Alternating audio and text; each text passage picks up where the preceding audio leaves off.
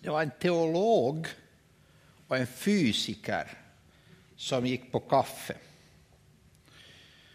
Och den här fysikern sa att när jag nu äntligen har möjlighet att tala med en teolog så ska jag beklaga mig verkligen, för jag kan inte förstå er teologer.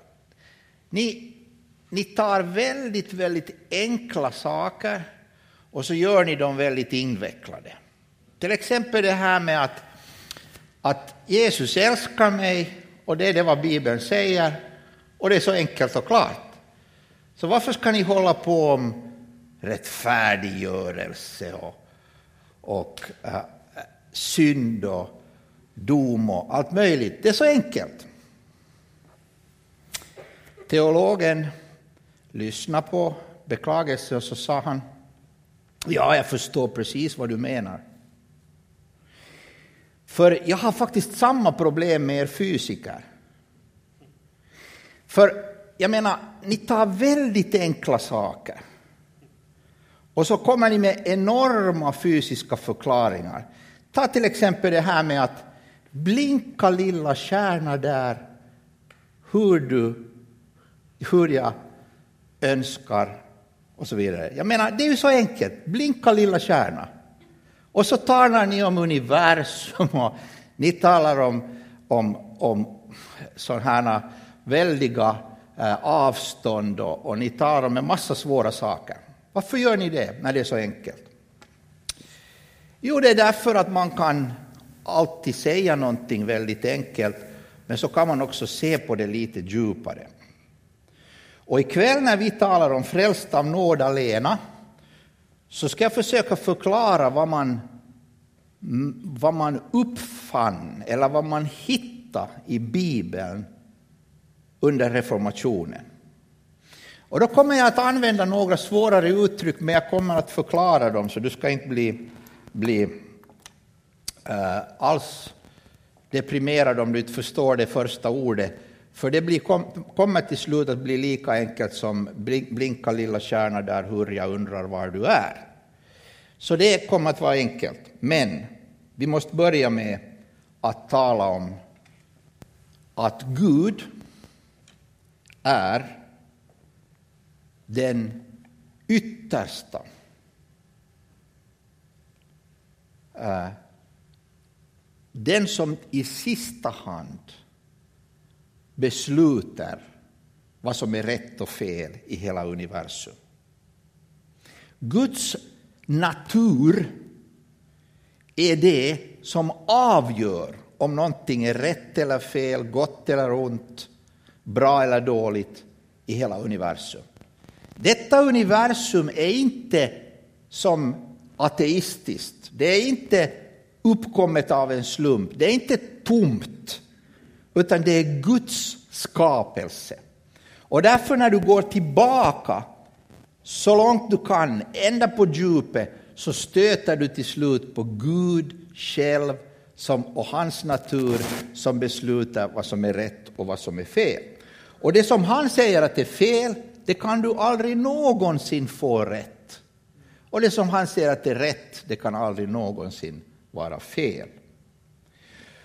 Men Eh, vi behöver få veta vad som är rätt och fel, för vi är människor och vi är inte Gud. Så vi behöver få höra och därför förkunnar Bibeln lagen. Lagen är förkunnelsen av vad Gud säger, till exempel om tio buden. Du skall icke stjäla. Du skall icke ljuga. Och så vidare. Gud säger, han förklarar, han uppenbarar detta är rätt, detta är fel. Det är rätt att tala sant, det är fel att ljuga. Och när lagen inte förkunnas och ingen känner vad Gud säger om rätt och fel, det är då människan inte förstår att hon är en syndare och måste bli frälst måste få förlåtelse. Äh, nu kan det hända att någon människa upplever sig väldigt frisk och väldigt okej, okay, allting är väl, men när människan kommer till en läkare och blir undersökt så kommer det fram att hon är allvarligt sjuk. Det finns sjukdomar som inte har något som helst yttre form så att vi kunde veta. Du kan bära på en dödlig, allvarlig sjukdom utan att veta det.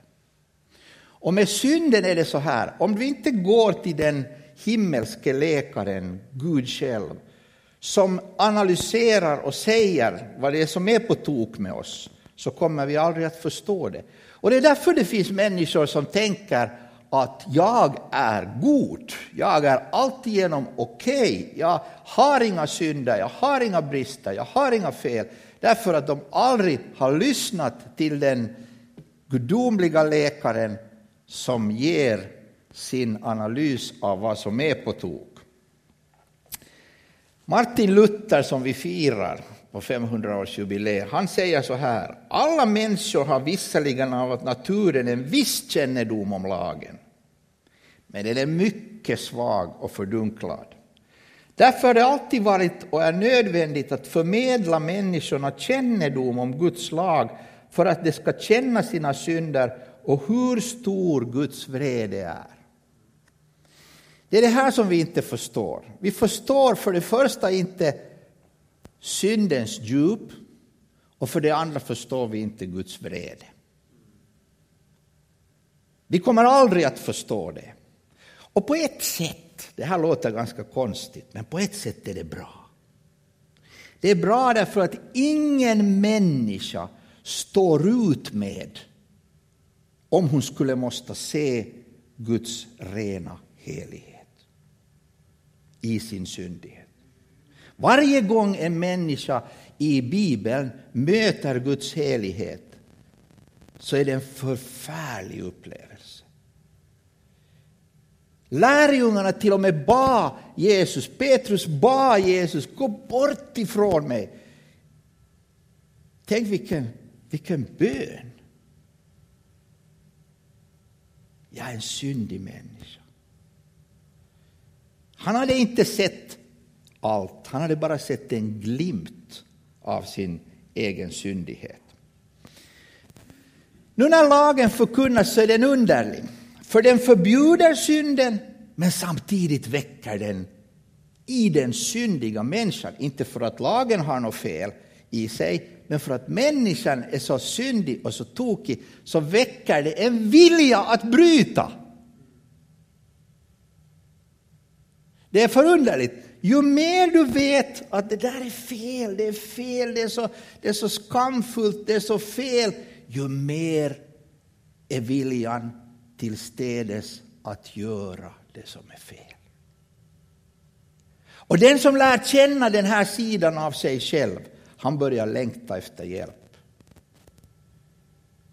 Varenda en addikt som är fångad i någonting, narkotika, sex, eh, pornografi, vet vad man talar om här.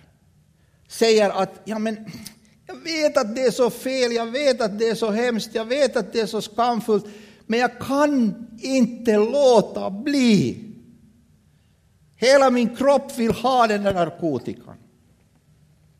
Det är människans plåga och vånda, att hon är fångad in under synden. Lagen kräver kärlek, men den åstadkommer vrede.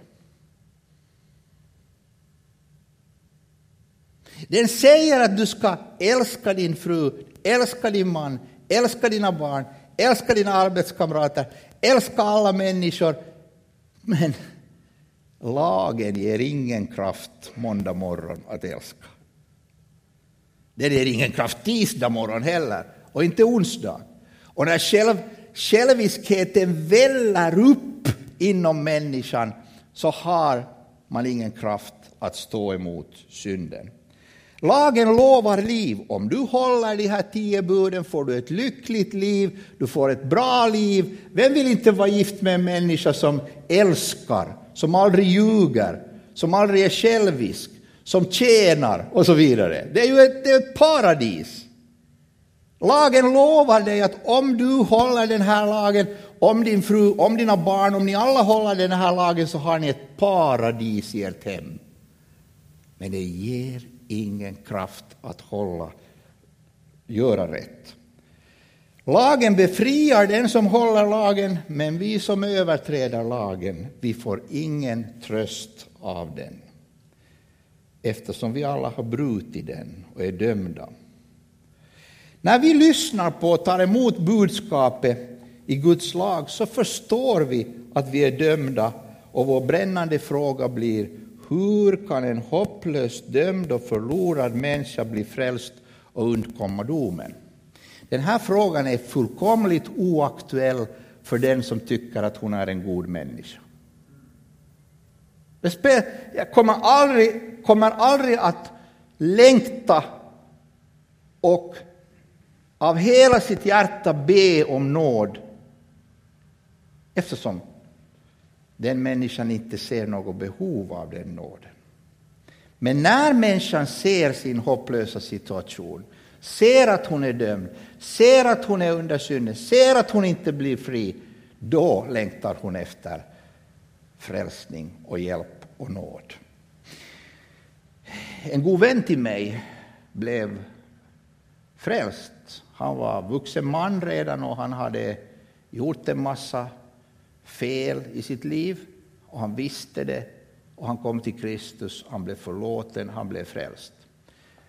Senare berättade hans fru att när han kom hem och berättade att han har gett sitt liv åt Jesus och blivit frälst så tänkte hon det var på tiden. Det var jättebra att det skedde, för du är ett sånt liten gris. Men hon själv upplevde absolut inget behov av förlåtelse av Gud. För hon hade ju stått ut med den lilla grisen i alla åren. Hon hade ju älskat honom, tjänat honom, tvättat hans kläder, lagat mat åt honom. Så hon hade inget behov själv av frälsning. Tills Guds lag kom och visade henne hennes själviskhet, hennes högmod, hennes brist på kärlek. Och hon sa att jag var ingen, jag var ingen som hade gjort något hemskt, men det bara plötsligt började jag se alla motiv, allt som var på tok, allt som var fel. Och jag ropade ut till Gud, förlåt mig, ge mig samma förlåtelse som min man har. Det är förunderligt hur vi, vi är hjälplösa i den här frågan. Vi behöver Guds hjälp, vi behöver lagen. Men under reformationen,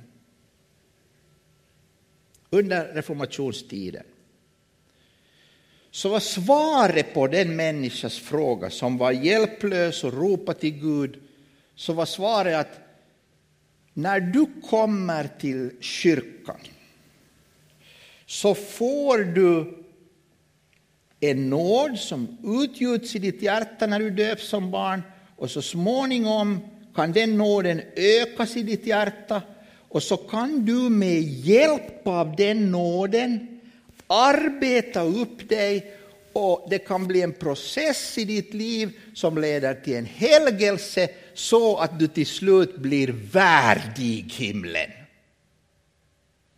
Himmelen värdig, ren och rättfärdig på grund av att jag har förändrats till den grad att Gud kan godkänna mig. Och det fanns kanske inte någon som gav sig in på den här vägen så av hela sitt hjärta, av hela sitt förstånd, av all sin kraft som Martin Luther. Han läste skriften, han citerade skriften, han bad, han tjänade, han hade gudstjänst efter gudstjänst, han bekände sina synder i sex timmar i rad. Det är ett möte ska jag säga. När du håller på att räkna upp i sex timmar så att hans själavårdet till slut sa att det, det, du ska bara bekänna det som är viktigast. För ingen människa orkar höra på det där. Men han kämpade. Han gav sitt allt. Fanns det någonting man kunde göra för att få nåden att förändra mig så jag duger åt Gud, så hade Martin Luther gjort det. Och så kommer han till skriften och så läser han i skriften Romarbrevets första kapitel och, och så läser han om den rättfärdighet från Gud uppenbaras. Och så säger han, ah, men jag har ingen rättfärdighet. Gud, du kräver en rättfärdighet och jag har gjort allt jag kan och jag duger aldrig för jag kommer aldrig att kunna arbeta mig upp till den rättfärdigheten vad jag än gör. Och så säger han att han börjar till och med hata Gud. För han tyckte Gud krävde så omänskligt mycket när Gud sa du ska vara fullkomlig. Du ska inte tänka en enda ond tanke, du ska inte säga ett enda ont ord. Så han var på den punkten släkt med ett par personer i, i Bibeln. I Gamla testamentet finns det en berättelse om en karl som skulle, fick som uppgift av Gud att flytta förbundsarken. Och så skulle han ha en sån oxvagn som drog arken och så skulle han eh, sköta om den där flyttlasset. Och så flyttade han och så kom oxarna i lera och så, så, så föll den där vagnen och så höll den där arken på att gå ner i leran och så grep han tag i arken för att den inte skulle gå ner på marken i leran. Och så står det så här. Guds vrede upptändes och han slog Ussa och Ussa föll död. Och läsaren håller en paus och säger What? Jag måste ta om det där. Vad är det som sker? Arken hamnar, håller på att gå i lera och den mest spontana reaktion någon Homo sapiens kunde ha i det skedet skulle vara att räcka ut sin hand och gripa tag i det där. Det var ett problem. Några kapitel tidigare finns en befallning i Mose lag. Rör inte arken. Han bröt, han dog. Och nästa vers berättar att David blev helt desperat och han sa Gud, ingen kan ju tjäna dig om det är så där. Så Luther var som David. Gud, det, det är någonting på tok här. Du, du kräver någonting som är omöjligt. I Nya testamentet finns ett likadant fall där en, ett äkta par beslutar att sälja sitt egna hemshus och de säljer det och så sätter de undan lite pengar för personsålder, och så kommer eh, församlingsledaren och säger är det där ni sålde det för och så säger de att jo det här är vi sålde det för, du ljuger och så dog han. Så kommer hans fru ut, hon ljuger och hon dör. Och så står det bara att skräck spred sig i församlingen. Inte så väldigt förvånande. Därför att om sådana saker sker, bara för att man har lagt undan lite och kommer med en liten vit lögn. Varför har ni ljugit för den helige Ande, säger man i det där sammanhanget. Varför har vi sådana här berättelser? För att vi ska förstå en sak. Hur du än försöker så kommer du aldrig att komma till himlen med egna gärningar. Med din egen överlåtelse.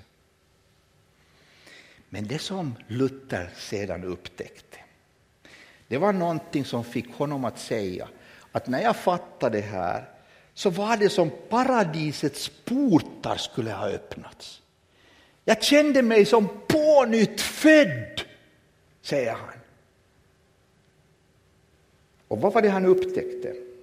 Han upptäckte att den rättfärdighet som Gud talar om, det är inte hans rättfärdighet, Luthers rättfärdighet. inte din och min rättfärdighet. Utan det är Kristi rättfärdighet som han skänker oss. Som han ger oss. Människan blir rättfärdiggjord inför Gud av nåd alena, genom tron alena, på grund av Kristus alena. Den rättfärdighet som Gud kräver av mig har jag inte. Den har vi inte. Utan den tillräknas oss för Kristi skull inför Gud på himmelens torg. Det där på himmelens torg betyder att det är inte någonting som förändrar dig och sen se, kan man liksom se med en röntgen innan nu har du rättfärdighet i ditt hjärta. Utan det är någonting som Gud bara ger. Och uttalar. Låt oss se ännu på det här.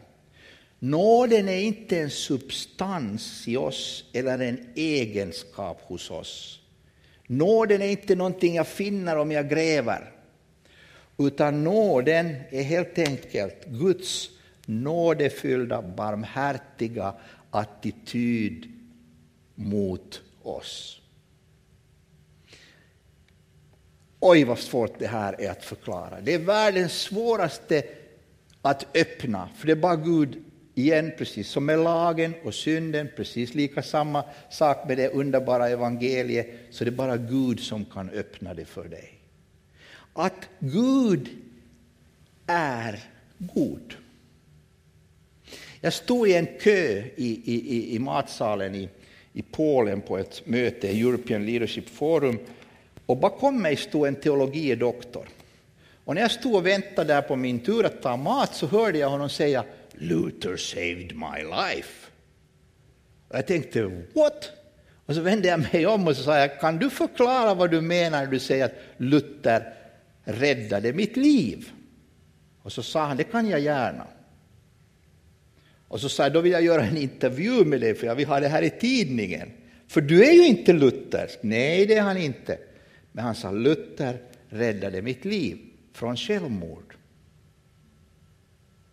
Och så berättar han att han faktiskt var som en liten Luther. Han hade läst Bibeln, han hade läst teologer, han hade läst en massa och han fattade att han är så långt borta från Gud. Och Gud såg, liksom blev för honom en domare. En som ständigt är vred därför att han är helig och jag, jag är inte helig. Men så börjar han läsa Luther. Efter att Luther hade själv funnit reformationen förstås, för han läste flera hundra år senare, i vår tid. Och så läste han hur Luther skriver efter att hans paradisets portar har öppnats, efter att han har känt sig som pånyttfödd, hur han beskriver en Gud som är god. En Gud som älskar. En Gud som inte vill döma. En Gud som vi möter i evangelierna när alla andra står där med stenarna färdiga och bara väntar på att få se blodet rinna.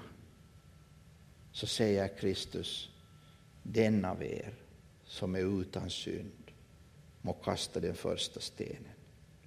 Vi är så vana att läsa det här att vi förstår inte betydelsen av det. Det som öppnar betydelsen för mig, kanske mer än någonting annat, för det där bibelstället var när jag såg en dokumentär om en kvinna som blev stenad i Afghanistan. Hon stod inför taliban.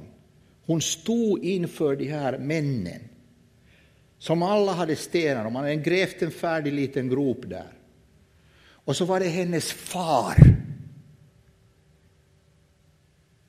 Hennes far stod där. Och så vädjade hon till sin far. Kan du förlåta mig? Till sin egen far enligt köttet. Och så säger han, jag kan inte förlåta dig. Och då börjar stenarna flyga och då blurrar de filmen Man ser bara blod. Och när jag såg på det där så var det som en väldigt bultande röst i mina öron. Tänk om Kristus skulle ha funnits där. Tänk om han skulle ha stått där och sagt, den av er som är utan synd ska börja. Och tänk om de alla skulle ha gått bort och tänk om han skulle ha varit där på sina knän och rita i marken som det står och så skulle hon ha sagt någonting åt honom och så skulle han ha sagt inte heller jag dömer dig. Gå. Synda icke härefter. Återvänd inte till det där livet. Men du är frigjord, du är förlåten. Det finns bara en i alla religioners värld som ställer sig mellan syndaren och stenarna. Och det är Jesus. Och det är han. Varför gör han det? Inte har hon ju gjort rätt, hon har gjort fel. Varför står han där? Bara därför att han har en attityd, en kärlek som är fylld av nåd. Hur ska man förklara det här? När mina barn var riktigt små en gång så skulle jag ta och sköta hand, ta hand om dem. Vi hade två söner och de var vilda. Oj, oj, oj. oj. Jag menar, fanns det någonting att kliva i, gardiner eller någonting, så klev de i det. Och hängde och var överallt. Och till slut var jag så trött att jag ropade till dem, nu måste ni sluta, sätt er ner där. Mm. Och så satt de där. Och så sa jag, hör ni nu, nu har ni varit så omöjliga. Jag orkar inte, jag, jag, jag orkar inte mera höra på det här. Så nu gör vi så här. Nu går vi till Market, till butiken, och så köper vi ett enormt paket is. Och så köper vi chokladsås. Och så kommer vi hem och så har vi den största glassfest, isfest vi någonsin har haft. De, de höll på att mista sitt sinne. What? De bara stirrade på mig. Men de, de, de, de sprang till dörren, de klädde på sig snabbare än någonsin tidigare. Och de satt i bilen med bälte fast. Och vi körde, vi köpte, vi kom hem och när vi sitter där och de klämmer med båda små händerna chokladsås på sin glass, på sin is, vi säger glass i Finland, så säger den här ena sonen, pappa, va, va, va, varför gjorde du så här? Så sa jag, hör du, därför att det är så här Gud gör med pappa varje dag. Så han tittade på sin bror och sa, jag visste att det var någon undervisning i det här.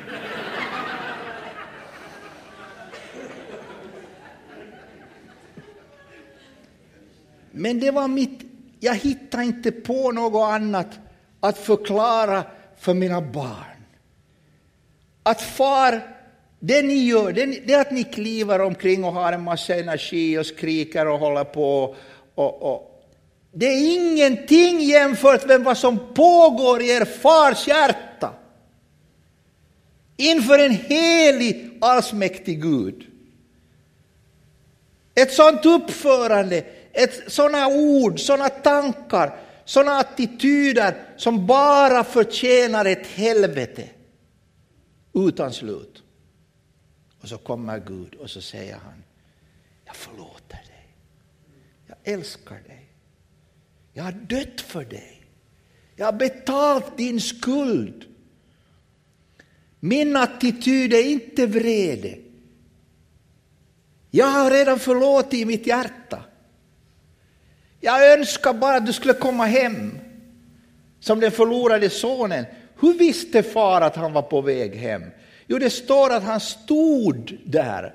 Han stod, han satt inte och läste. Han stod i fönstret och väntade på sin son som var förlorad och ute. Gud väntar på dig. Han väntar faktiskt på alla där ute också.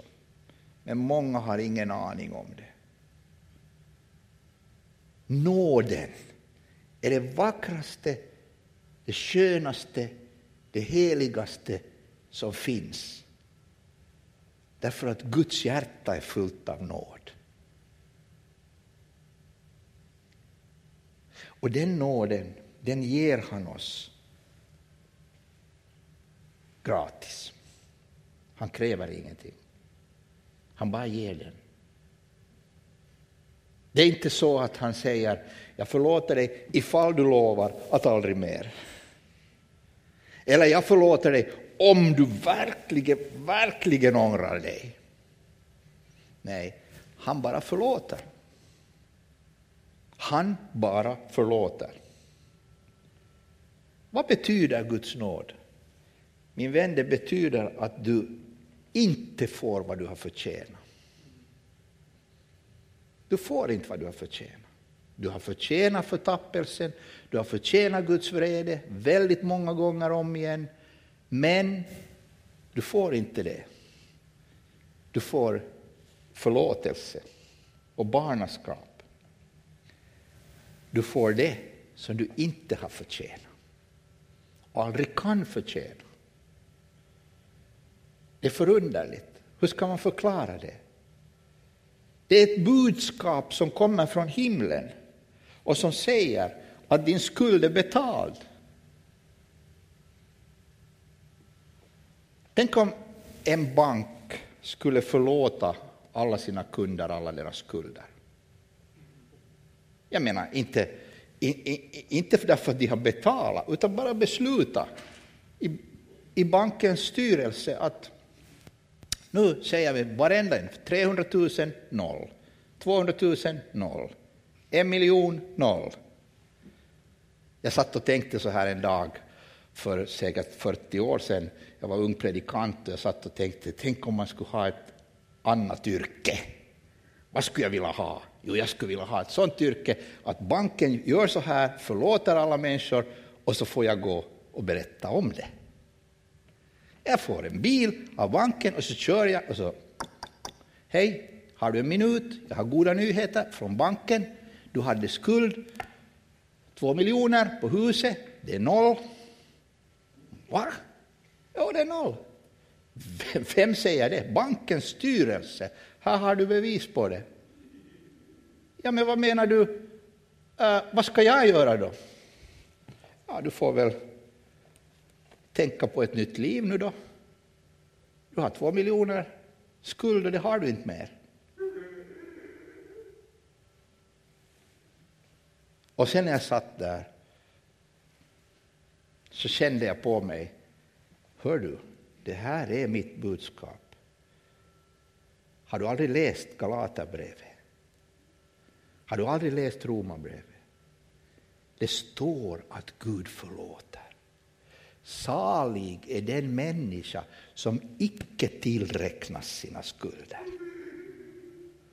Jesus har dött, din skuld är betald. Jesus har dött, din dom har redan han tagit på sig. Så du är fri och rättfärdiggjord ren och rättfärdig, förlåten för Kristi skull. Och sen får du ju fundera, vad ska jag göra med mitt liv då? För det är bara den mest bedrägliga hjärta som vi alla har som frågar i det här skedet, ja men om det är så där så då kan jag väl leva hur jag vill. Mm. Mm. Men kanske det som den där slaven som hade friköpts under amerikanska slaveriet och så kom de till, över till i, i, land och så, och så sa han att jag, ja, jag har friköpt dig, du är fri. Och så äh, var det någon som frågade att vad ska du göra nu då när du är friköpt?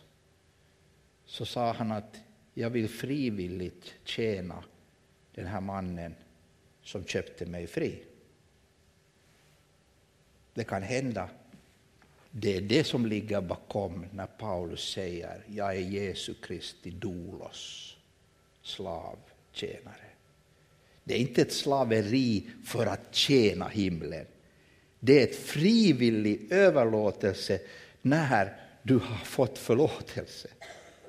Men den överlåtelsen, den tjänsten, är aldrig någonsin under hela ditt liv grunden för att Gud rättfärdiggör dig. Den grunden är nu och för alltid Guds nåd. Gud välsigne dig.